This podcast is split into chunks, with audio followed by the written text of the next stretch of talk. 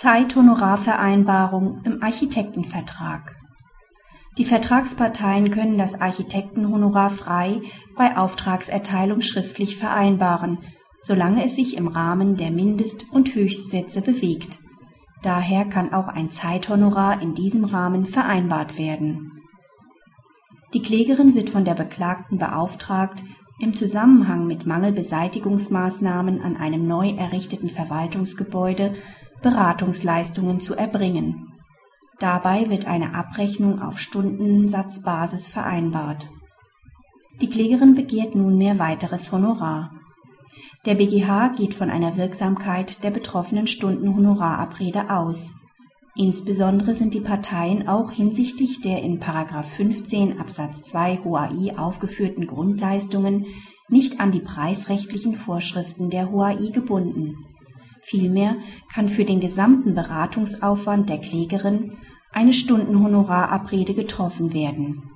Dem steht § 6 HOAI nicht entgegen, solange die Vereinbarung eines Zeithonorars schriftlich bei Auftragserteilung getroffen wird und sich innerhalb der Mindest und Höchstsätze der HOAI bewegt. Darüber hinaus stellt der BGH klar, dass ein nach den vorgenannten Grundsätzen vereinbartes Stundenhonorar nicht den Beschränkungen des § 6 HOAI unterliegt.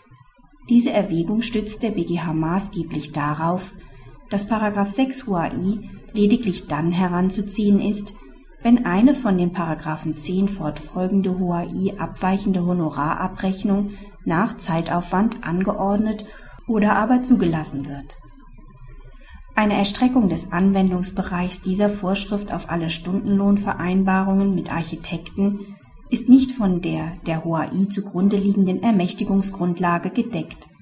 Zur Begründung seines Zeithonorars hat die Klägerin nur anzugeben und zu beweisen, wie viele Stunden sie geleistet hat. Eine Zuordnung der Stunden zu einzelnen Tätigkeiten oder Zeitabschnitten ist nicht notwendig, sofern nichts anderes zwischen den Parteien vereinbart worden ist.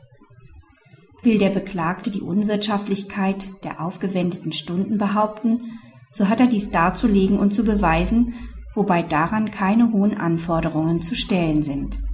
Dem muss dann die Klägerin substanziiert entgegentreten, wobei er dafür zumindest auch die dem Aufwand zugrunde liegende Leistung beschreiben muss.